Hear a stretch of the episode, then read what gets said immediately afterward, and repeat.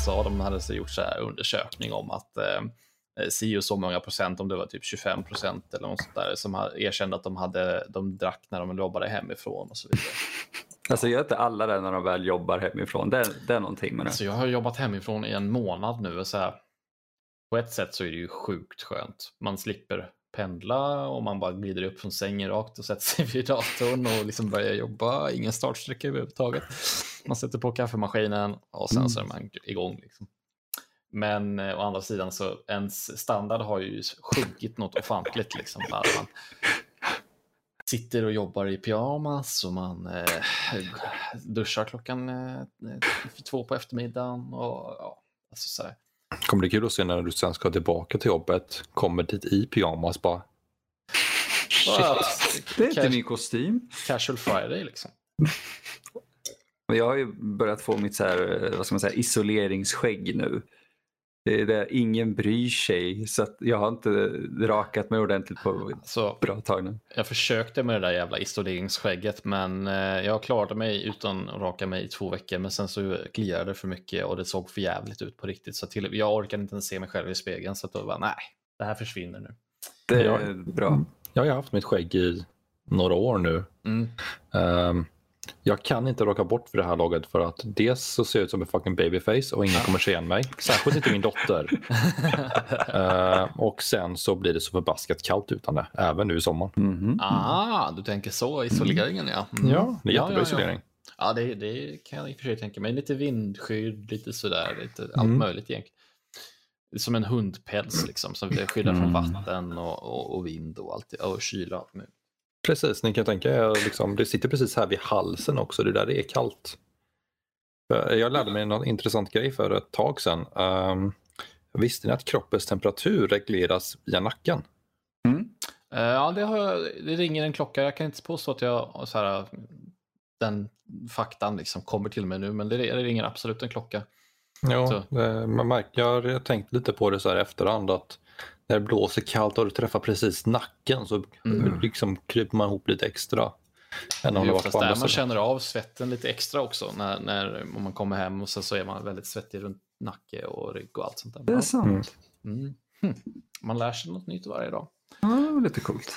Eh, med, med svett i nacken sagt, de orden.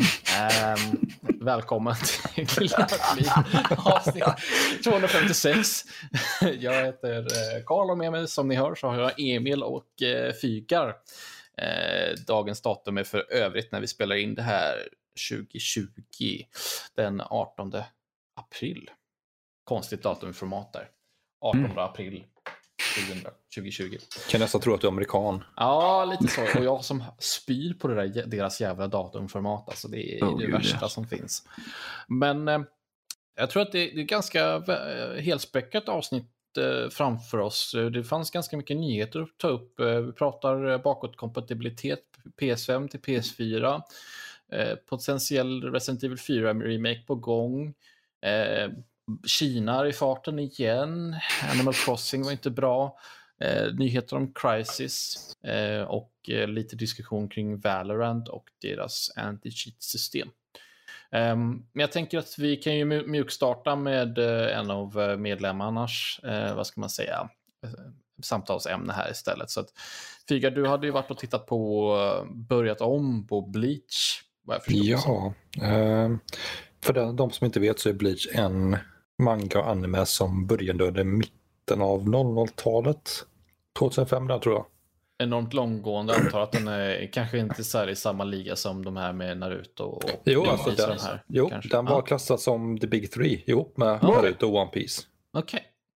Okay. Uh, jag ber om ursäkt, jag kan ingenting om anime, jag tittar inte på det så att uh, får, man får se det som att jag ovetande idiot. Typ. Lär oss senpai. Eh, ja, nästan. Eh, det handlar om en tonårsgrabb som heter Ichigo. Mm. Eh, han blir en dag, träffar en dag på en shinigami, alltså en dödsgud. och som är på jakt efter något som kallas hollows. Det är ord monster, själar som blivit monster och livnär sig på andra själar. och en jag får, hollow... Jag får bara Dark Souls-vibbar när du säger hollows, men okej. Okay. Ja. En hollow jagar Ichigo och eh, den här dödsguden blir då skadad och överför sina krafter till Ichigo. Så att nu är han en Shinigami. Uh, och jagar då Hollows, uh, sätter sig upp mot Shinigami-världen, muckar med fel personer helt och hållet och liknande. Uh, det är en typ, typisk shonen, alltså en serie som riktar sig mot unga män. Liksom mycket action, power levels och sådana grejer. Är, är inte så bokstavligt som i Dragon Ball att det verkligen är siffra så? Nej, utan nej mer, inte riktigt så, men utan liksom att eh, liksom en tonårsgrabb som snabbt blir efter att ha haft sina krafter ett halvår, liksom, han är rankad som kapten där i det här Soul Society, liksom där högst rankade är. Man bara, ja, jo, det makes sense. Eh, den animen lades ner och mangan fortsatte. Mm. Ah, Okej, okay, så det är mangan det handlar om här. För jag, tittade, jag sökte och googlade lite och då förstod jag som att... Um... Animen kommer tas upp igen. Okej. Okay. Mm. Så uh, mangan är avslutad. Ja. Uh, och jag är glad över att se att animen fortsätter uh, storyn som manga höll på med. För att författaren fick en deadline på sig att avsluta den här serien inom ett visst datum. Mm. Okay. Och vilket resulterar i att det blir så hafsigt. Alltså han fick ju bara slänga ihop någonting på slutet. Mm. Det är massa plot holes liknande. Jag hoppas ju lite på att de faktiskt kan fixa till lite av de plot holesen. För det är mycket där som jag var glad över att se i mangan och uh, jag vill gärna se det på riktigt i animen. Är det som att det är en ny studio som har liksom plockat upp det då? Alltså, eller så här, du har samma gamla författare då, men det är någon annan uh, som har... De, följ, de följer ju mangan, så det är ju mm. samma författare om man säger så. Ja, såklart. Ja. Uh, men jag vet inte om det är... Jag om det är samma studie eller om den är helt ny. Om jag tänker om det är typ ett annat förlag som har plockat upp mangan om man säger så. Uh, det vet jag inte. Alltså mangan är avslutad, så den Jump har droppat den helt. Okej, okay. då är jag med. Okay. Mm. Uh, så det är vad jag har börjat göra. Vad har mm, ni andra? Dessa karantäntider. Mm. Uh, Okej, okay. det, det, det är en liten svår fråga kanske så här, när man pratar om anime och det, det, om du säger, berättar för mig då att det här är de stora tre, då, då kanske det här är liksom ett måste om man liksom är ens lite intresserad så är det här en av de här man borde ha sett typ. Är det på den nivån eller eh, vad skulle alltså, du säga? Måste man se den här? Nej. Måste. Eh, mest för att den är så pass lång. Okej. Okay. Mm. Du kommer hinna tappa fokus och tröttna på den innan. Särskilt när, eh, känner ni till begreppet fillers? Absolut. Ja. ja. Förstår det som att Naruto till exempel har mycket filler. Ja, det var ju ett skämt där liksom. Åh, ett Naruto-snitt mitt i alla fillers. Menar du? Va? Vad hände här? Nej, men det är mycket fillers i Bleach också. Ja. Uh, man kan hoppa över, det är liksom hela ark, så man kan hoppa över det ganska enkelt. Okay. Mm. Uh, men uh, Alltså, det här konceptet med fillers då, alltså handlar det mest om att, att, att eh, det inte sker någon typ karaktärsutveckling och sånt där, utan att vi står stilla. Visst, det händer saker. Du har arcs, men det, det går ingen vart. Det är det som är en filler, eller vad? Uh, filler är, som jag märkte, när animen kommer ikapp mangan, yeah. uh, för de släpps liksom samtidigt, yeah. uh, och då behöver de ge mangan lite tid att utvecklas. Yeah. Eh, och då kan de slänga in en helt ny historia. Det kan vara character development och sådana grejer där. Mm. Men det har ingenting med själva huvudstoryn att göra. Okej, så det är något sidospår av någon form? Ja. Uh, Bleach har ju en... Uh, alla Shinigamis har svärd som kallas Sampaktos. Mm -hmm. okay. uh, och uh, ja, det... Jag känner mest att jag bara nickar och accepterar. Mm, okay, ja, absolut. Sure. de här svärden har själar. Som är ja. sammankopplade till de som använder dem. Mm. Ett fillerark är att själarna lämnar svärden och gör revolt mot alla Shinigamis. Lite uh, oschysst kan jag tycka, men okej. Okay. Jo, uh, och det, det, är liksom av lite olika anledningar de gör det här. Mm. Uh, men, uh, och det är ju ett filler. Det tillför inte så mycket i storyn, men det kan vara lite intressant att se. Okay. Mm. Nej, men, då så. nej, men om det inte finns mer att säga om det så okej, okay, nej men jag accepterar det. Du måste inte se den, men uh, varför inte i dessa karantäntider? Ju fler förslag, desto bättre typ. Ja, det är bara några hundra avsnitt. ja, jag, jag, som sitter och googlar och fuskar här, 366 avsnitt, det är ju ja. la, ganska lagom. ja, det är inte One Piece. Nej, nej, nej. Vilket som är uppe i över tusen va? Sånt där. Nej, snart tusen. Snart tusen. Mm. Jag säger bara Yakitati i Japan, en anime om brödbakning. Jag är helt nöjd med det. ja, jo, kan jag tänka mig. Mm. Nej, men vi hoppar vidare till nästa punkt. Alltså så här, nu också i karantäntider så eh, internet är ju viktigare än någonsin för att man ska kunna jobba hemma och så vidare. Men det kan ju lätt hända att det blir för mycket av det goda så att säga. så därför kan det vara bra kanske distansera sig med en bok istället och det har Emil gjort. Nämligen ja. den OG, the, uh, Bram Stokers Dracula. Ja men. Får du berätta, hur kom det här sig att du valde just att, att gå tillbaka till den? Uh, egentligen är det att jag har en stor hög med böcker som jag tror många av oss har som Same. man kommer till någon gång inom stora kaninöron. Någonstans. Ja. Uh, och jag har försökt att ha någon form av så läslista. Vilken, så här, vilken är äldst och vilken vill jag läsa mest just nu och så. Och jag fick Dracula ändå förra året när jag fyllde år. Och så började jag småläsa och sådär. Men jag är sån att jag vill gärna läsa in, alltså allting som är innan. Introduction och förord och hela den grejen. Problemet är att den här har så enormt mycket sånt att jag tröttnade på att läsa det. Eh, och liksom stängde igen eh, och liksom lät den ligga. Och sen plockade jag upp den i, i typ förrgår. Yep. Och så här bara, ah, men, ja, fan, jag hoppar över merparten av de här bakom historierna och ah, vilken legacy. Jag bara, fuck you, ge mig boken, ge mig historien. Du vill se det som inspirerade Bella Lugosi och hela det, mm. den filmen och allt det där. Exakt det, exakt det. Och eh, jag blev så glad när jag väl började läsa själva historien. För den, är, den har åldrats så väl. Mm. Mm. De har, det är väldigt intressant därför att den är byggd på ett sätt som man kanske inte är van vid att läsa en bok på.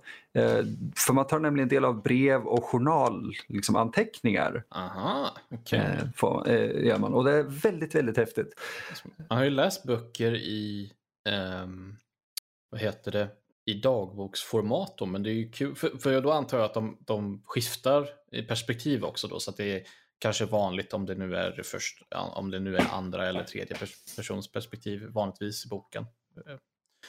Men sen så skiftar det till ett journalperspektiv då. Ja, det, det, är journaler, det är böcker, det är, eller dagböcker och det är brev. Mm. Det är fruktansvärt häftigt och det är från alla karaktärer. Uh, och det är det som gör det så jäkla roligt. För jag tog fram boken här nu. Jag tänkte försöka hitta någon av de där förbannade sidorna. Eller, där, exakt. Eh, indexet. Så följer vi först här. De första fyra kapitlen är Jonathan Harkers eh, journal. Hans dagbok. Då. Mm. Sen är det eh, brev från eh, ett par, jag vill inte så här räkna upp alla grejer, men brev mellan ett par karaktärer Sen är det eh, typ anteckningar som hittades någonstans som tas upp. Uh, och sen är det tillbaka till dagböcker. Sen journal igen. Alltså det, det är väldigt coolt uppbyggt. Uh, för att det är, det är aldrig så att de liksom stöter på Dracula i princip som en bok idag skulle göra och så här haha, där har vi skurken utan de verkligen antecknar om hur var det att träffa de här eller vad ska vi göra, vad är planen? Allting sker väldigt mycket eh, kallas det imperfekt, helt enkelt att det har hänt. Ja, ja. Uh, och det är så jäkla coolt tycker jag att läsa det. det. det. är lite som Lovecraft också. För jag har ju börjat läsa lite Lovecraft med, men han är ju känd för att många av hans historier är skrivna i då-form. Ja. Eller någon eh, karaktär som hittar brev eller använder och antecknar och pusslar ihop saker. Samma sak här. Och Det fascinerar mig att texten, för de, de har en liten så här, introduktion som jag faktiskt läste innan jag började läsa historien för att den var bara två sidor lång och inte så här, halva boken. Uh, där det stod uh, on the text, vilket då handlar om hur har de har de uppdaterat texten eller har de ändrat någonting i den? Och det enda de har gjort är att ha rättat till vissa saker, alltså eh, grammatiska eller grammatiska fel. Uh, och ja, men vissa blunders helt enkelt som togs av uh, Stoker. Vissa fel på datum som senare refereras till som inte stämmer och sådär. Uh, det, det är det enda de har gjort. Och jag tycker det funkar skamligt bra för att vara skrivet för över hundra år sedan.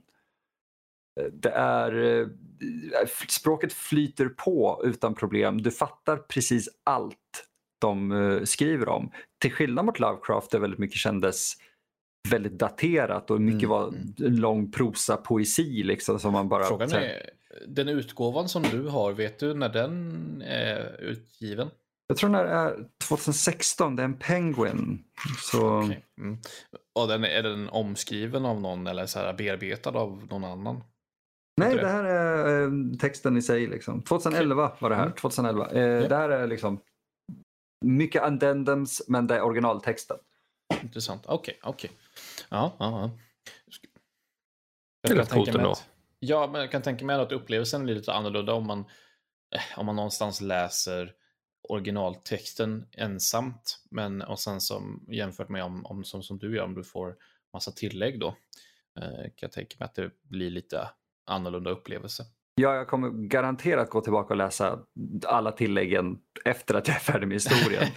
uh, för att jag ville verkligen bara till historien nu. Uh, och det, det, det, tillför någonting av det lilla jag läste ändå. Det finns till och med en kort biografi om Stoker under den här teri, eh, perioden när han skrev den. Så ja. jag ser väldigt mycket fram emot så här, vad var det som inspirerade honom och så.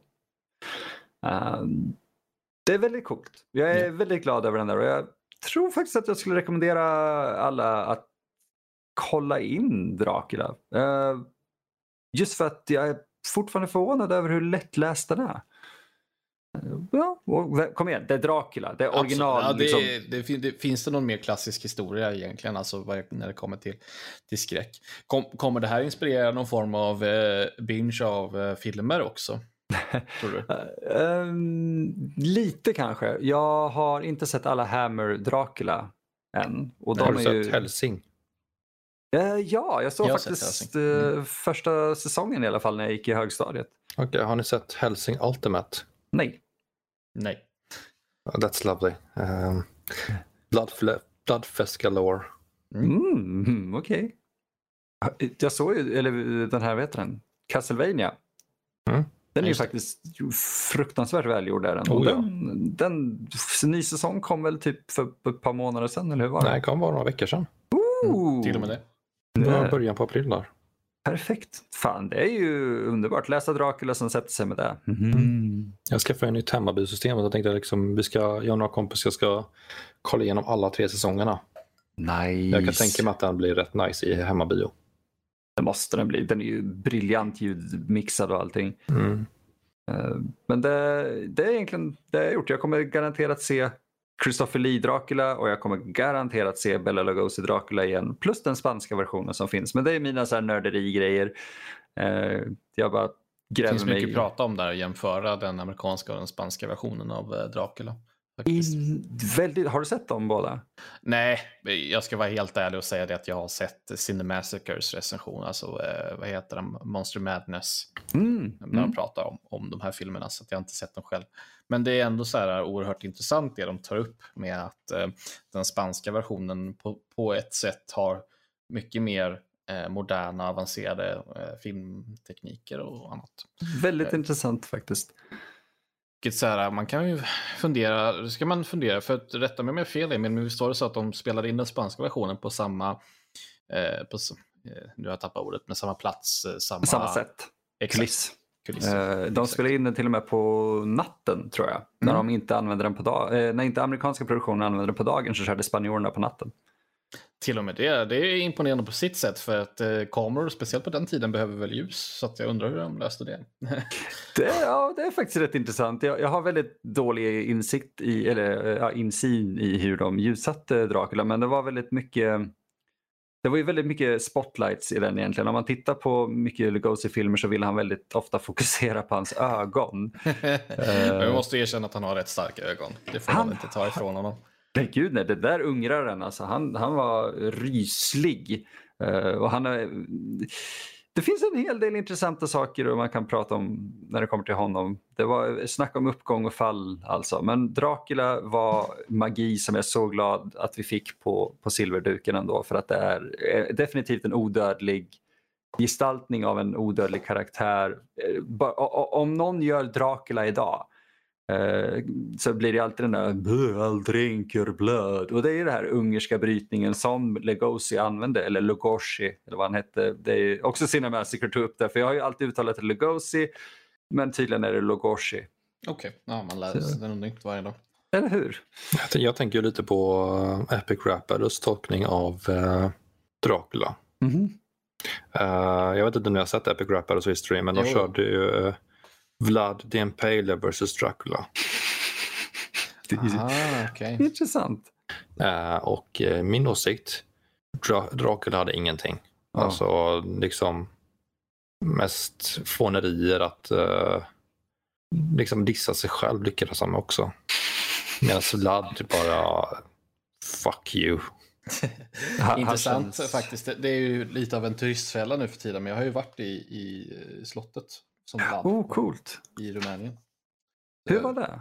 Alltså, det, um, det var ju väldigt, turistan, det är väldigt turistanpassat nu för tiden. Mm. Um, och så. Men uh, det, det behöll fortfarande en, en viss, viss charm, måste jag säga. Det är väldigt mycket trånga, trånga gångar och, och så vidare. Och man kan, det är beläget uh, på ett, ett litet, inte berg direkt så, men upp mot kulle, liksom. Klipphäll så. Uh, så att, ja, absolut. Är man i krokarna där i bergen i Rumänien så varför inte? Mm, jag vill åka dit så det, det är bra att höra ändå att det inte är helt åt helvete Man kan ju fråga sig varför jag var i Rumänien men det är väl för att min familj eller min, min mormor och morfar specifikt har, har vänner därifrån så vi var och hälsade på dem. Mm. Och då skulle man ju såklart göra lite turistaktiga grejer också. Så en av de sakerna vi gjorde var att vi var och hälsade på eh, Draculas slott. Väldigt coolt. Ja. Men tillbaka till det här med böcker och sånt. Alltså, man får ju skämmas lite för jag var ju, körde ju en sån där vända på bokbörsen för kanske ett år sedan sånt där, och beställde en hel, en, en hel trave med böcker. Men eh, de har man ju inte riktigt tagit sig an. Jag läste, läste igenom en av dem um, som jag köpte i den, i den vevan. Det var en um, biografi nödvändigtvis, men en um, återberättelse av, från en uh, eh, SAS-soldat som var med i en operation bakom fiendens linjer i, eh, i första eh, Gulfkriget 1992. Nej, jag kommer inte ihåg om, eh, vilket årtal det var exakt. Den var riktigt bra. Men cool. eh, jag har massa andra böcker att ta mig an också.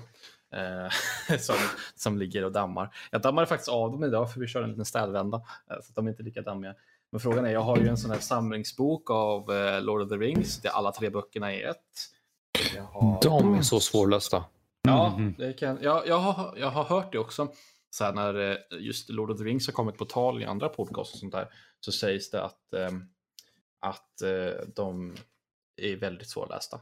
De är inte jätte, om man ska vara sån, de är inte jätteläsarvänliga alls. De är, inte, väldigt beskrivande men de är inte... De ja, det är, är en ja. utmaning i sig. Den här samlarversionen jag har, eh, det är jag vet inte om det saknas ett omslag, men det är, om, det är bara en, en enda stor klump med rött omslag. Mm. Eh, som är alla tre böckerna i ett. Plus, mm. jag tror det är plus lite till också, jag ser att det är massa appendix och grejer här också. Mm, men det, den är väl, se här.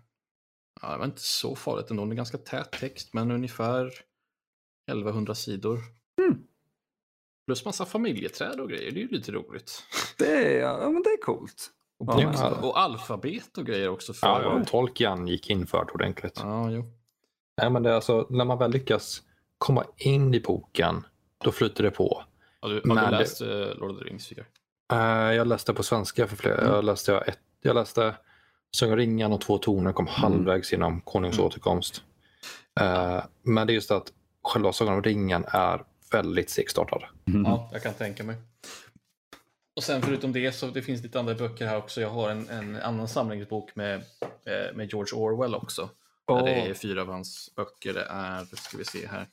Eh, det är ju Animal Farm, Burmese Days, A Clergyman's Daughter och 1984. Riktigt bra samling. I en och samma bok. Det finns lite att ta åt sig, eller ta, ta åt sig här om man så vill. Men det är kanske är någonting man borde göra eh, med tanke på att man sitter så mycket nu. Jag, jag jobbar ju personligen hemifrån, det har jag sagt innan. Men eh, man, det blir ju så mycket oerhört, oerhört mycket tid nu man är uppkopplad hela tiden. Mer än innan liksom, nästan. Man kunna säga. Så det kanske skulle vara nyttigt, rent ut sagt, att sätta sig sidan om och läsa lite istället. Det kan vara bra att komma från datorn ibland, skärmar överlag. Verkligen, verkligen. Nej, vi får se, jag, jag ger inga löften, men vi får se om jag ska ta mig an någon bok. Jag kanske jag kan återkomma om det nästa gång eh, jag är med mm, kul. i ett avsnitt. Men eh, vi kan hoppa vidare. Um, någonting som ni satt och diskuterade precis när jag hoppade in här, uh, så var det här angående bakåtkompatibilitet mellan Playstation 5 och Playstation 4. Och det är jättepositivt att höra, för det, det är ju en funktion som har lyst med sin frånvaro i, egentligen med de flesta konsolerna eh, senaste tiden. Alltså, mm. Det fanns ju en viss bakåtkompatibilitet mellan Playstation 3 och Playstation 2 men den försvann ju ganska omgående. Det var bara de, de första versionerna av Playstation 3 som släpptes. Mm. Så det är jättekul att höra att det ska finnas där. Men det roliga är ju här med siffrorna som man ger ut. Man säger att eh, Playstation 5 ska ha stöd för 4000 Playstation 4-spel. Eh, men Emil, vad är problemet här? Att det saknas typ 1500 i det riktiga biblioteket. Vad vi kan se. Vad vi kan se. Vi har kommit fram till att Playstation 4 har idag, vad sa vi, 2500 spel? Ja, enligt mm. uh, deras en Wikipedia-sida som är rätt up to date uh, så var det 2550 spel på den. Så ska Sony pumpa ut 1500 PS4-spel under 2020? Ja, alltså det.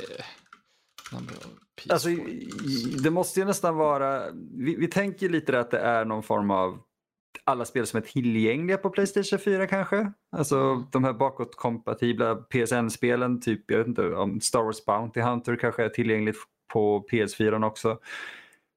Räknas de måste ju vara någon konstig räkning som sker här, för jag hittar också Wikipedia-sidan och då säger den 2550 okay, spel finns på eller om de räknar med Playstation Now? Möjligtvis. Titlarna som är med där.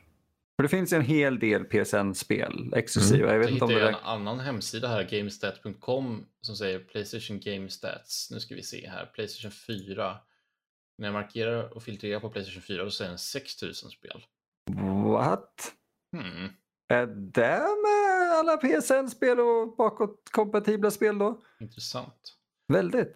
Det här skulle kanske kräva lite mer förundersökning innan man hoppade in i den här diskussionen. För då kanske ja. det är så att Wikipedia-sidan kanske saknar en del. För, Eller så ja. prioriterar de olika. Ja, ja verkligen. Men det, alltså, anledningen till det här var ju just nyheten om att PS5 skulle vara bakåtkompatibel med PS4 och det var det som fick oss att börja fundera för att det citeras ju i nyheten 4000 spel. Ja. Mm. Och, eh, och det är det som känns mysko, eh, alltså, jag, jag, vet inte, jag hade i alla fall försökt att formulera det annorlunda än ett random nummer som vi uppenbarligen inte hittar varken här eller där. Nej, och för att förtydliga, när jag tittade närmare på den här sidan så verkar det som att 6000 spel det är över, eh, spritt över Playstation 4, Playstation 3, Playstation Vita och Playstation VR. Så mm. det, det är okay. för tydlighetens skull. Mm. Det här stämmer nog inte riktigt.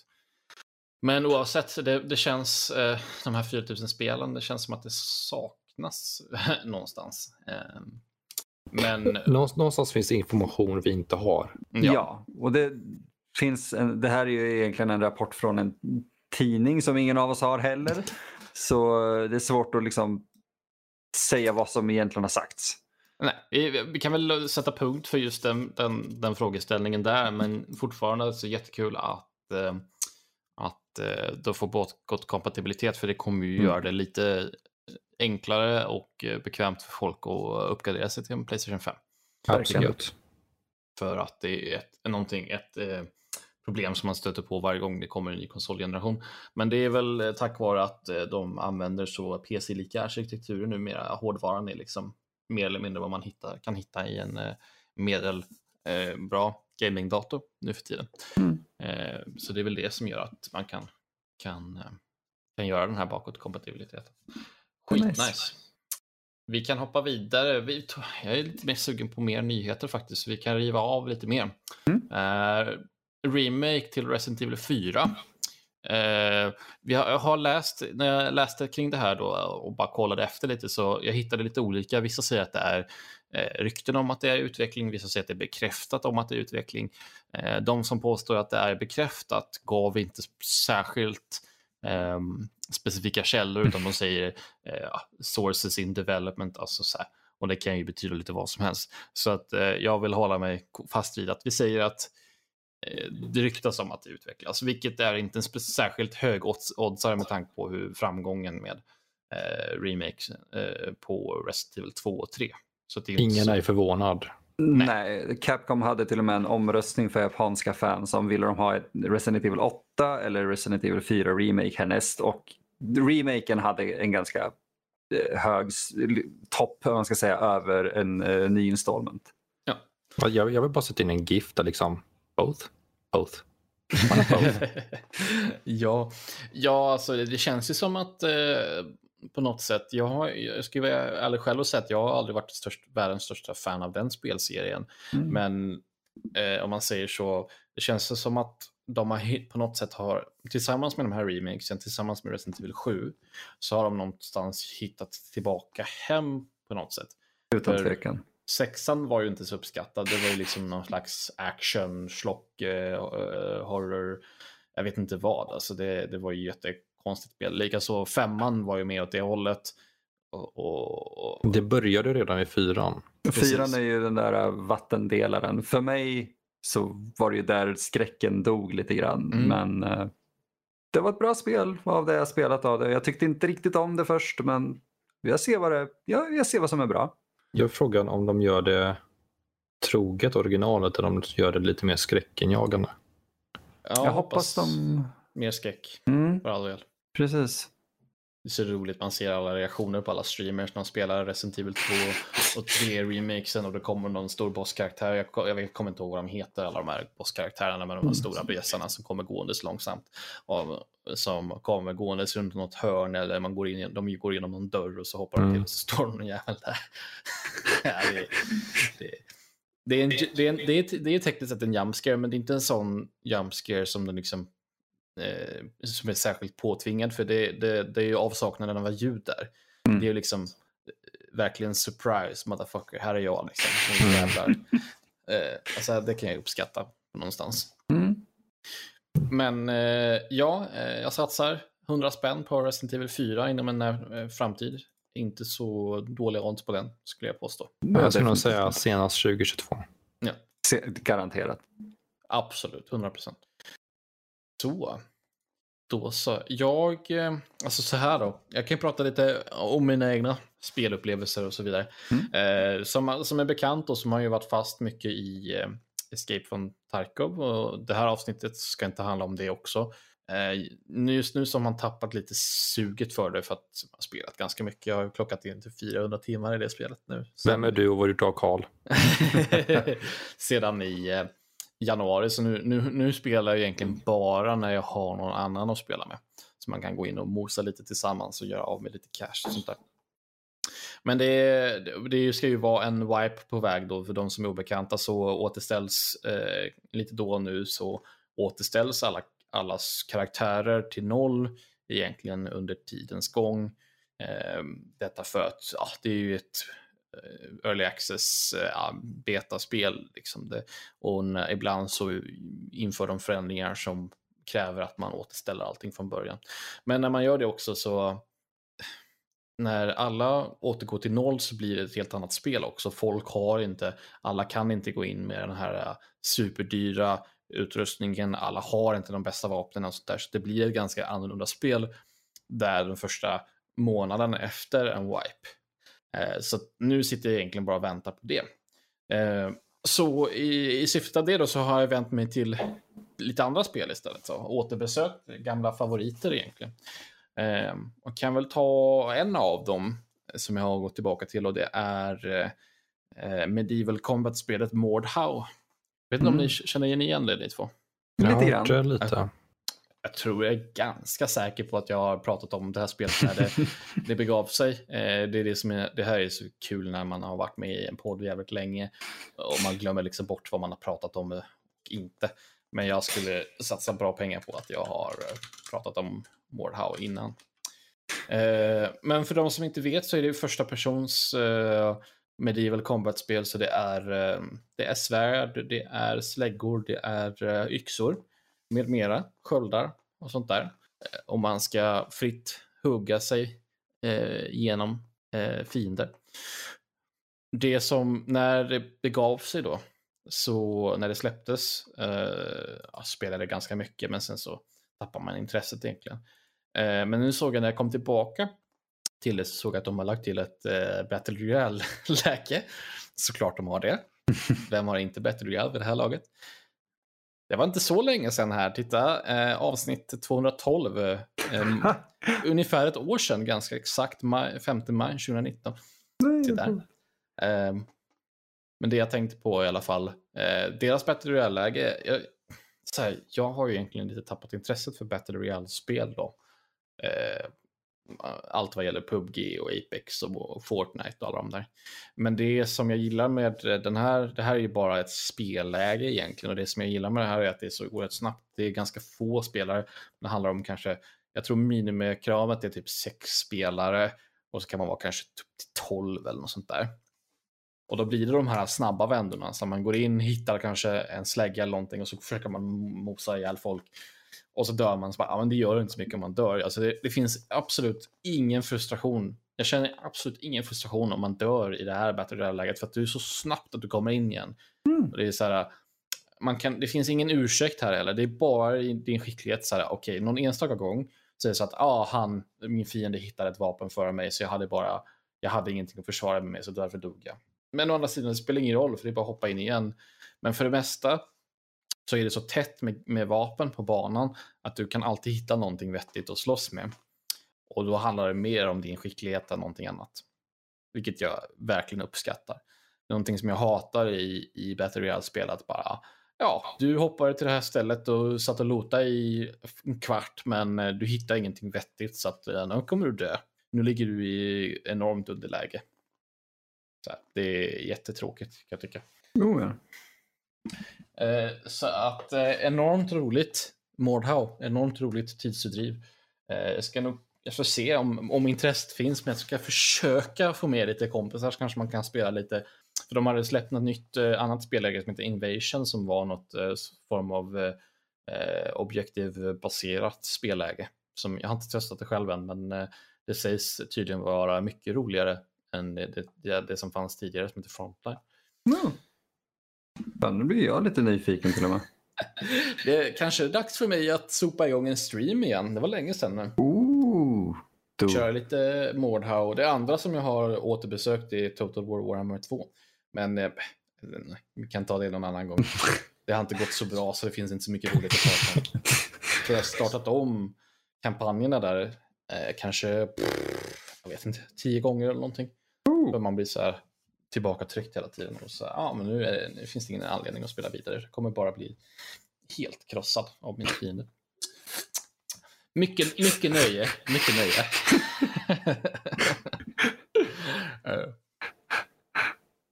Man blir som en vanlig Warhammer-match. Ja. Så det är, vad, det är vad jag har pysslat med mellan varven, mellan jobb och allt annat. Mellan jobb och simning och cykling och vad det nu är nu för tiden. Eh, vi hoppar vidare. Vi kan ta en eh, nyhet faktiskt. Eh, vi får se. Snart kommer vi få se nya PG-märkningar på våra spel. Och det handlar först och främst om att markeringarna varnar för ah, det står in-game purchases, alltså det, så det innebär ju egentligen mikrotransaktioner och lootboxes en enorm jävla följetong i den här podden. Jävlar vad vi har tjatat om. All, I alla dessa år har vi tjatat om dessa jävla lootboxes. Men det är ju faktiskt jättebra att oh, ja. vi får en markering som påvisar att det finns. Äntligen. Alltså på något sätt, ja. För att, alltså det, för att eh, om, om det existerar ett spel eller inte, det säger ju ganska mycket om både utvecklaren och, och utgivaren i sig om ett, låt oss säga att det är ett fullprisspel och så står det en markering om att det finns mikrotransaktioner. Till exempel som nuvarande Call of Duty.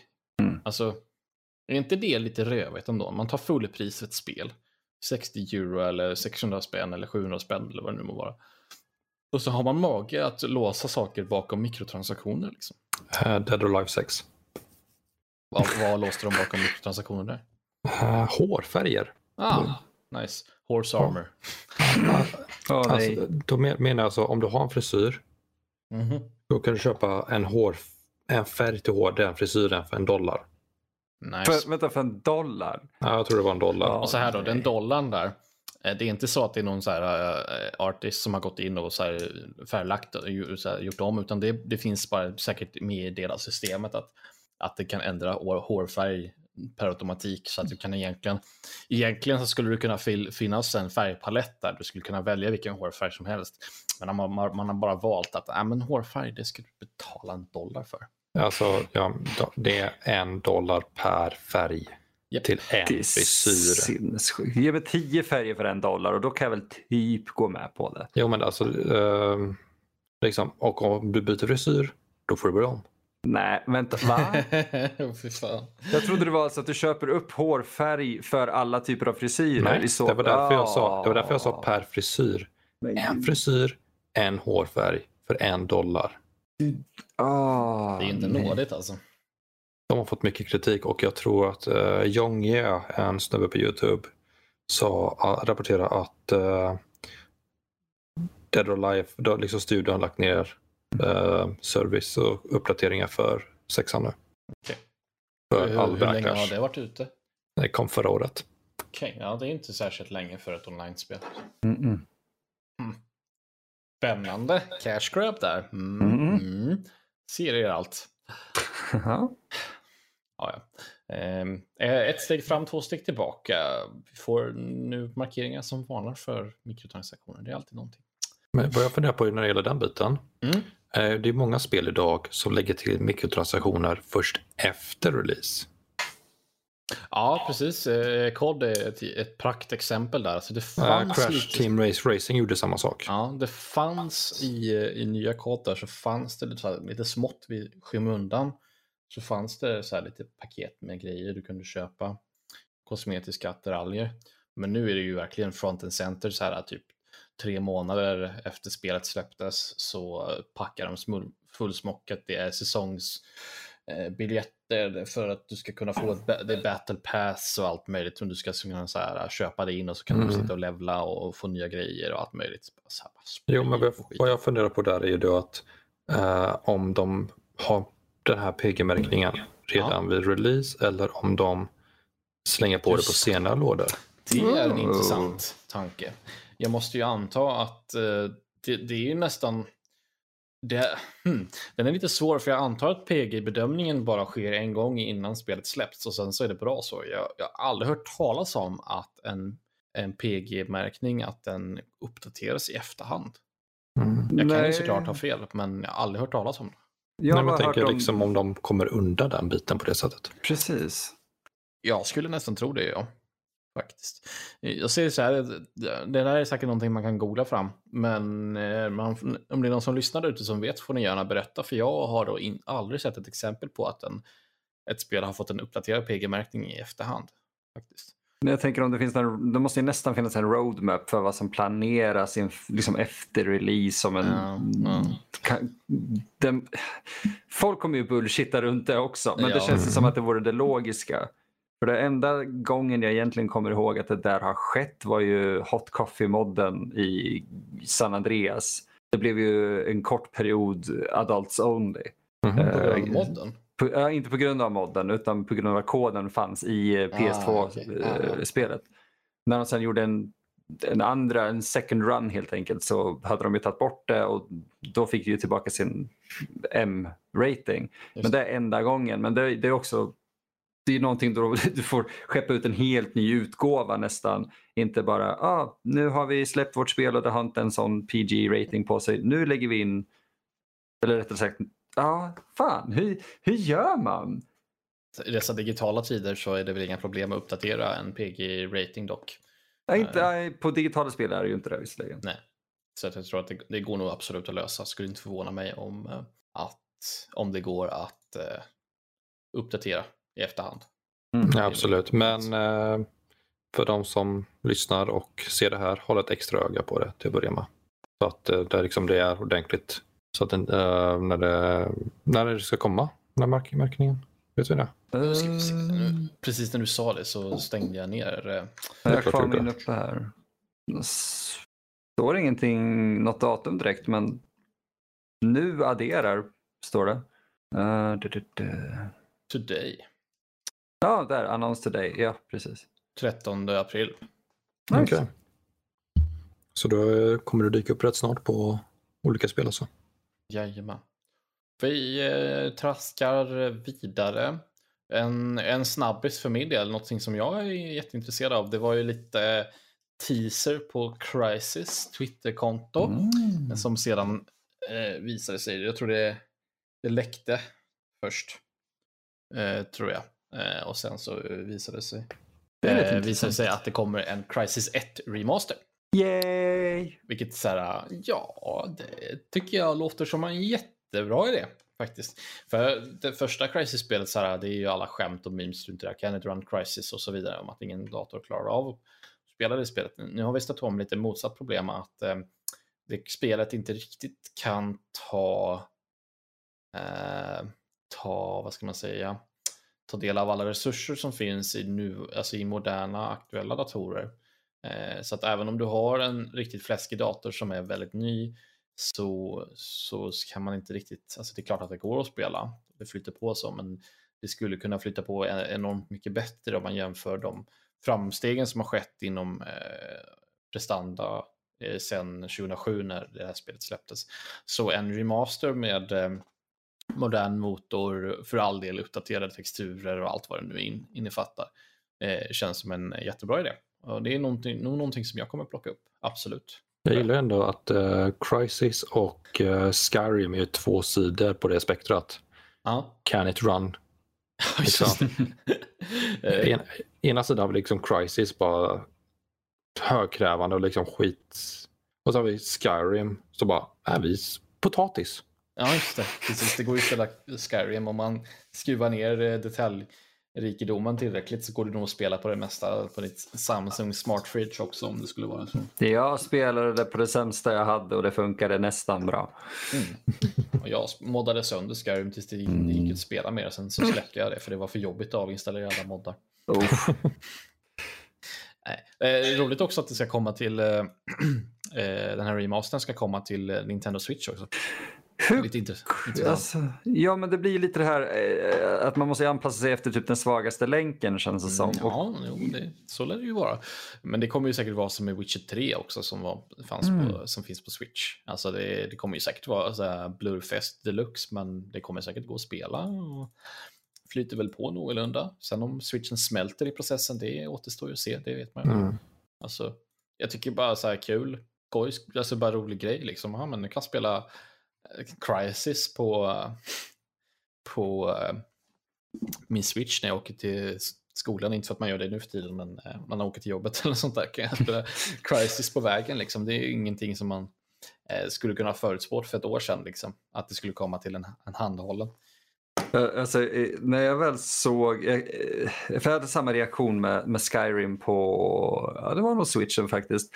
Jag satt på en buss på väg någonstans, så lång resa och jag såg någon sitta och spela liksom, Skyrim på en switch och min hjärna gick direkt till What a time to be alive.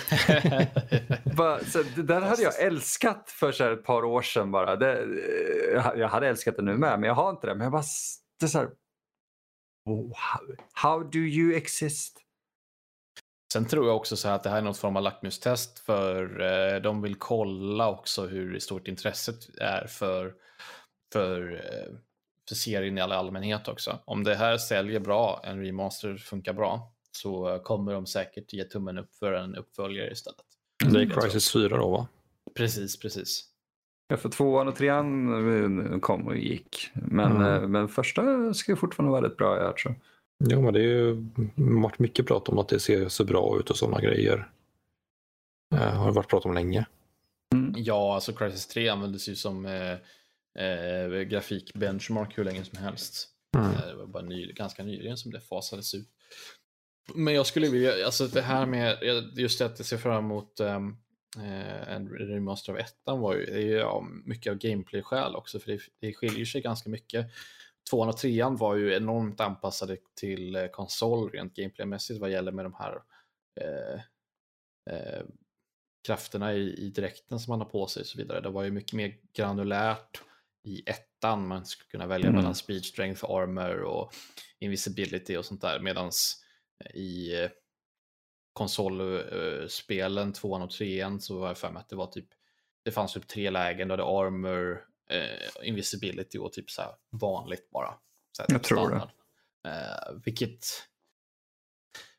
tyck, jag personligen tycker att då förlorar man lite skärmen av det spelet, att man så snabbt växlar mellan de olika lägena och hoppar runt. Så först så, så tar man eh, speed och så springer runt fienden, slår på invisibility, smyger sig fram eller slår på eh, maximum strength och eh, gör, ger en rak höger till en bil så att den flyger in i fienden. Alltså så här, just det här sandbox, eh, bara utrymme för att leka runt liksom. Eh, det var ju det som var ettans eh, kärna på något mm. sätt. Och det hoppas jag få återuppleva lite grann om man, mm. i den här utgåvan. Men eh, nog om det. Vad finns det mer att diskutera? Eh, just det. Så som jag nämnde i introduktionen då, eh, så är eh, det var ju frågan om Valorant. Eh, jag tror inte att vi har diskuterat det spelet särskilt mycket på den här podden överhuvudtaget. Jag, vad jag vet så har ingen annan tagit upp det. Jag har ingen aning om vad det är ens till att börja med. Så. Alltså det är ju Riot, utvecklarna av League of Legends, det är ju deras tappning på så här, competitive shooter. Det är ju på något sätt en blandning av CSGO och Overwatch.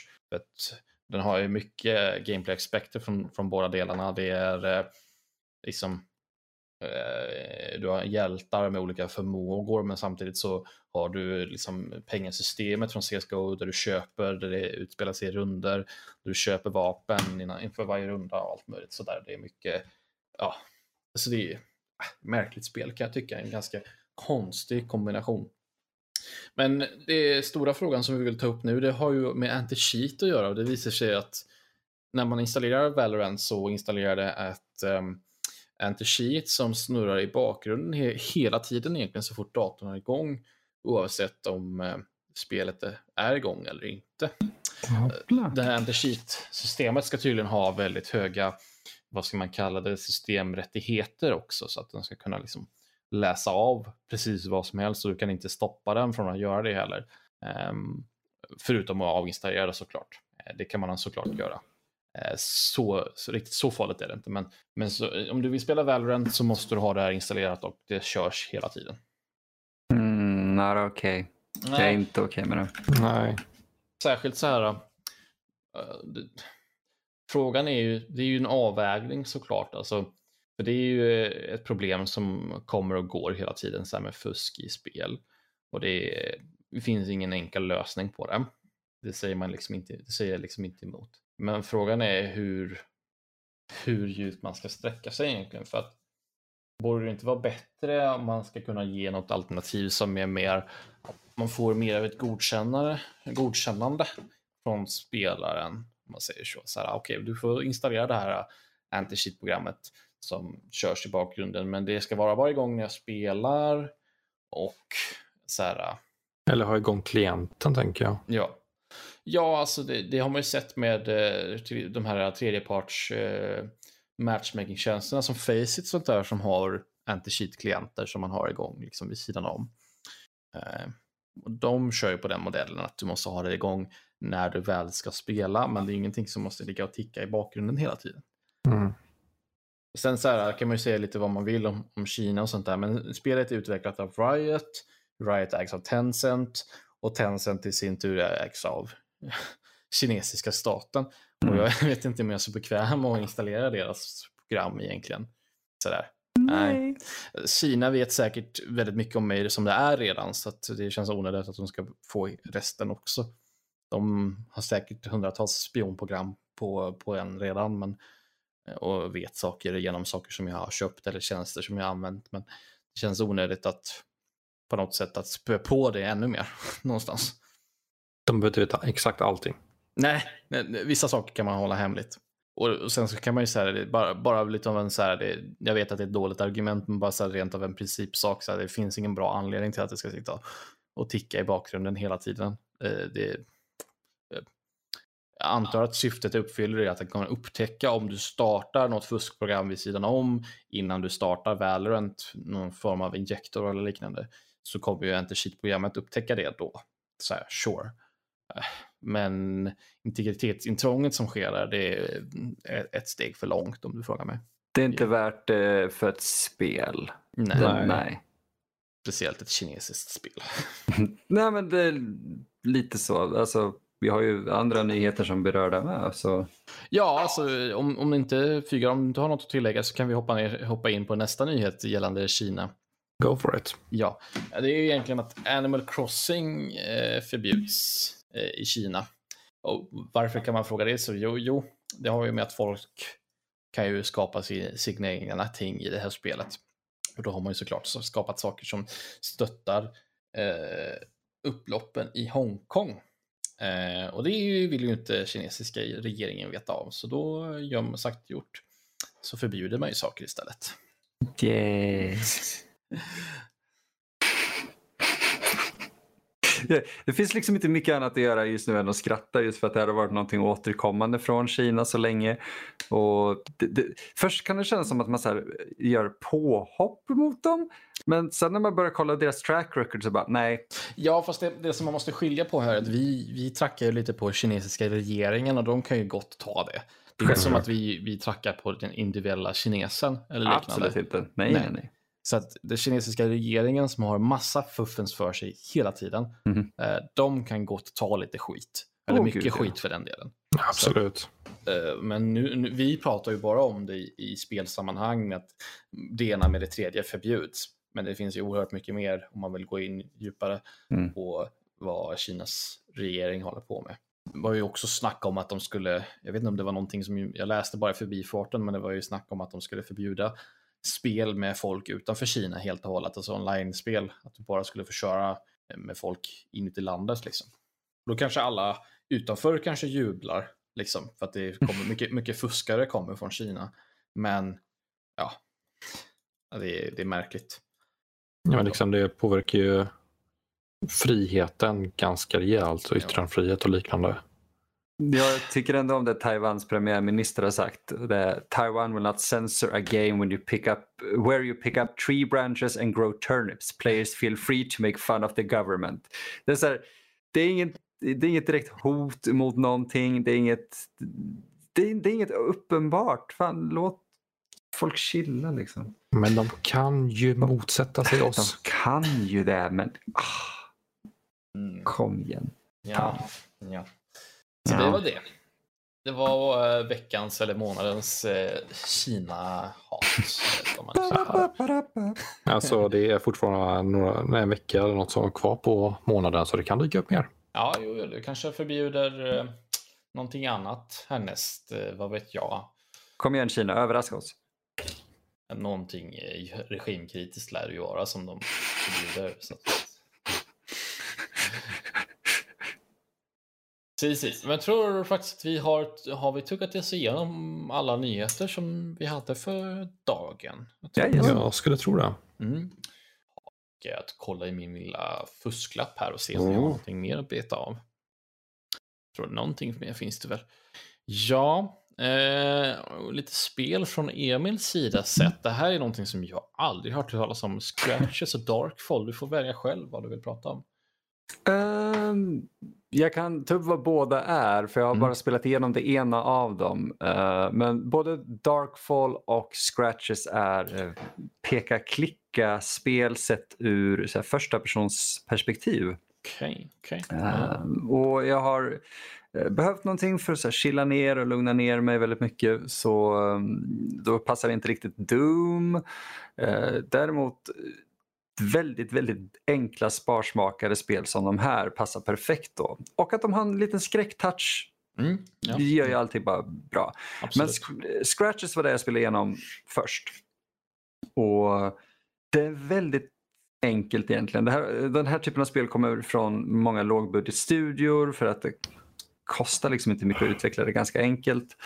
Uh, och det här var vad jag har hört från flera ställen men jag har inte hittat någon officiell källa Eh, var nämligen det första kommersiellt släppta spelet från Argentina.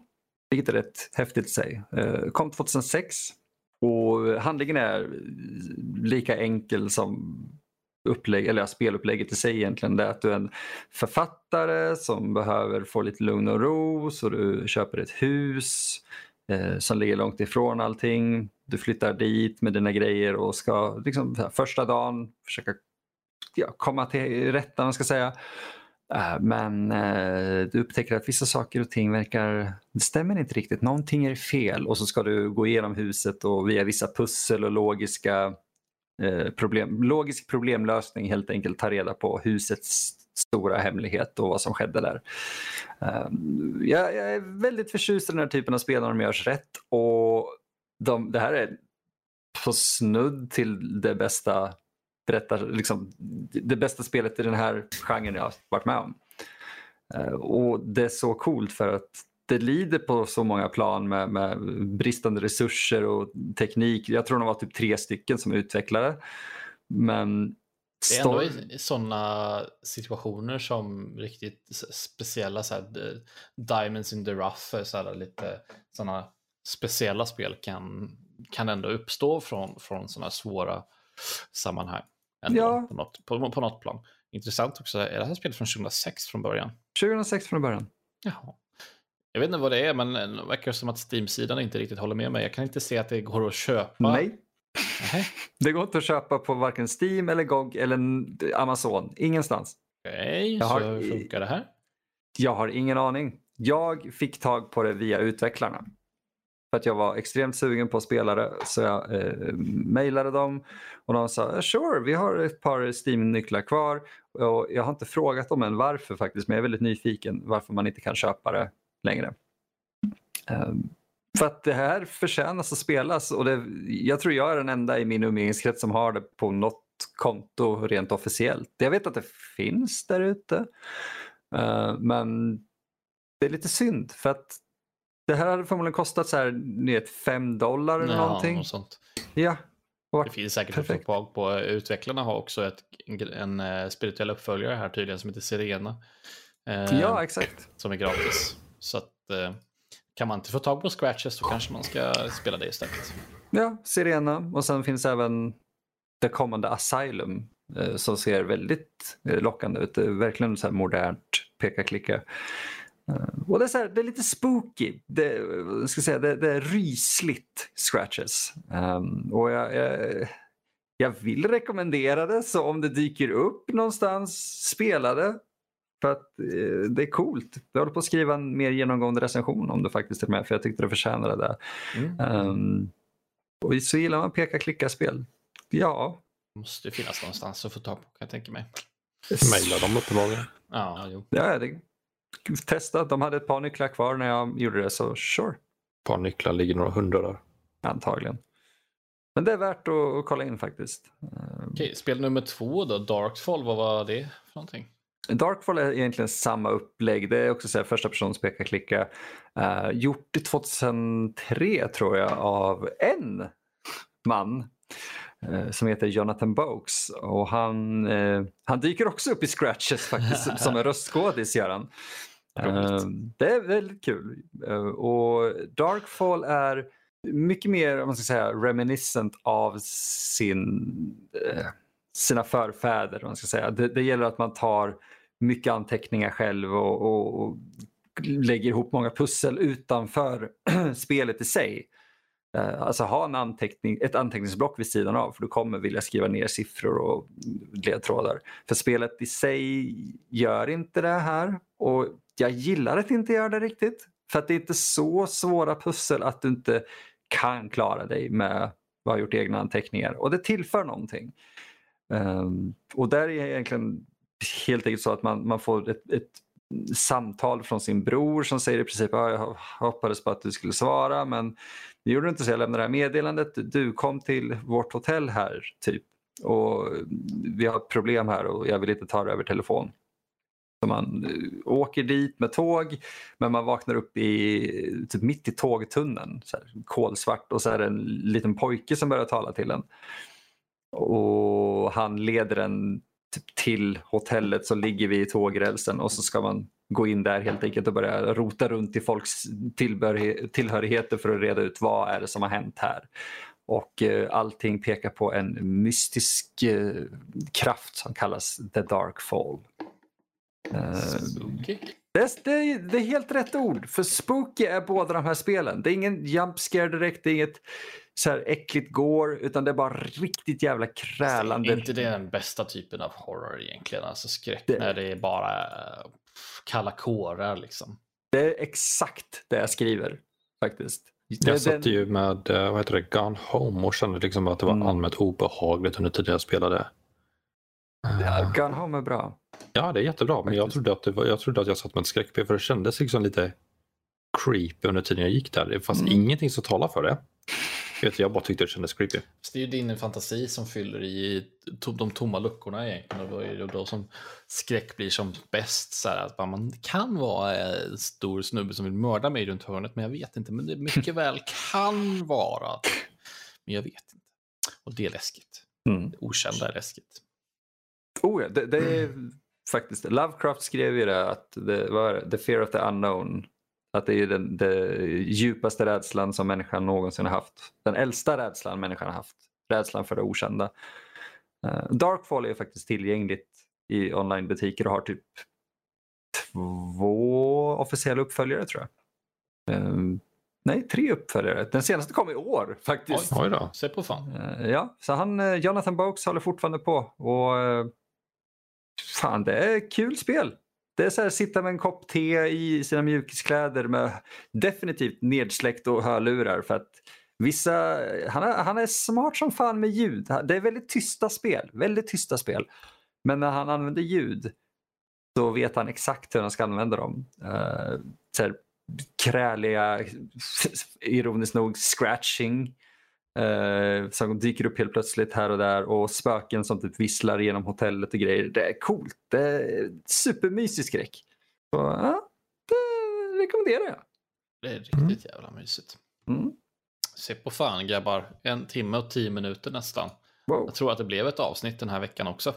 Det känns som det. Ja. Eh, men eh, då så tror jag vi tar och knyter ihop den här säcken. Avsnitt nummer 256 fint nummer på något sätt. Eh, ja. Eh, om ni vill ha mer av oss så kan man såklart leta sig in på vår hemsida nördliv.se. Inte bara, vi har massa andra podcast där. Det finns ju eh, Kultpodden med Emil och Mattias. Då är Matiné med Emil och Fredrik. Finns ju där.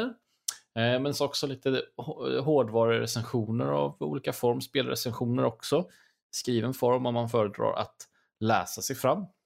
Vad gäller sociala medier så hittar ni oss på Instagram, nördliv, eller nordliv.se, Facebook också, Nördliv, podcast tror jag vi heter där, mm. eh, Twitter, nordliv.se där också. Um, så, och sen så också eh, vanligaste sättet man kontaktar oss om det skulle vara man ville ställa en lyssnarfråga är ju om man mejlar in på info at nordlivpodcast.se egentligen. Uh, och det funkar också om man vill adressera till en speciell person så kan man ta förnamn snabel eh, nordlivpodcast.se. Uh, så rikta all kritik och allting, som vi har, allting fel som vi har sagt kan man ju rikta då till Danny at nordlivpodcast.se. Gör det. Han blir så glad. Men då så. Eh, tackar så mycket för att ni har lyssnat. Tackar Emil och Fygar för att ni var med mig ikväll. Mm, tack själv. Så. På återseende. Ha det bra allesammans. Hej då.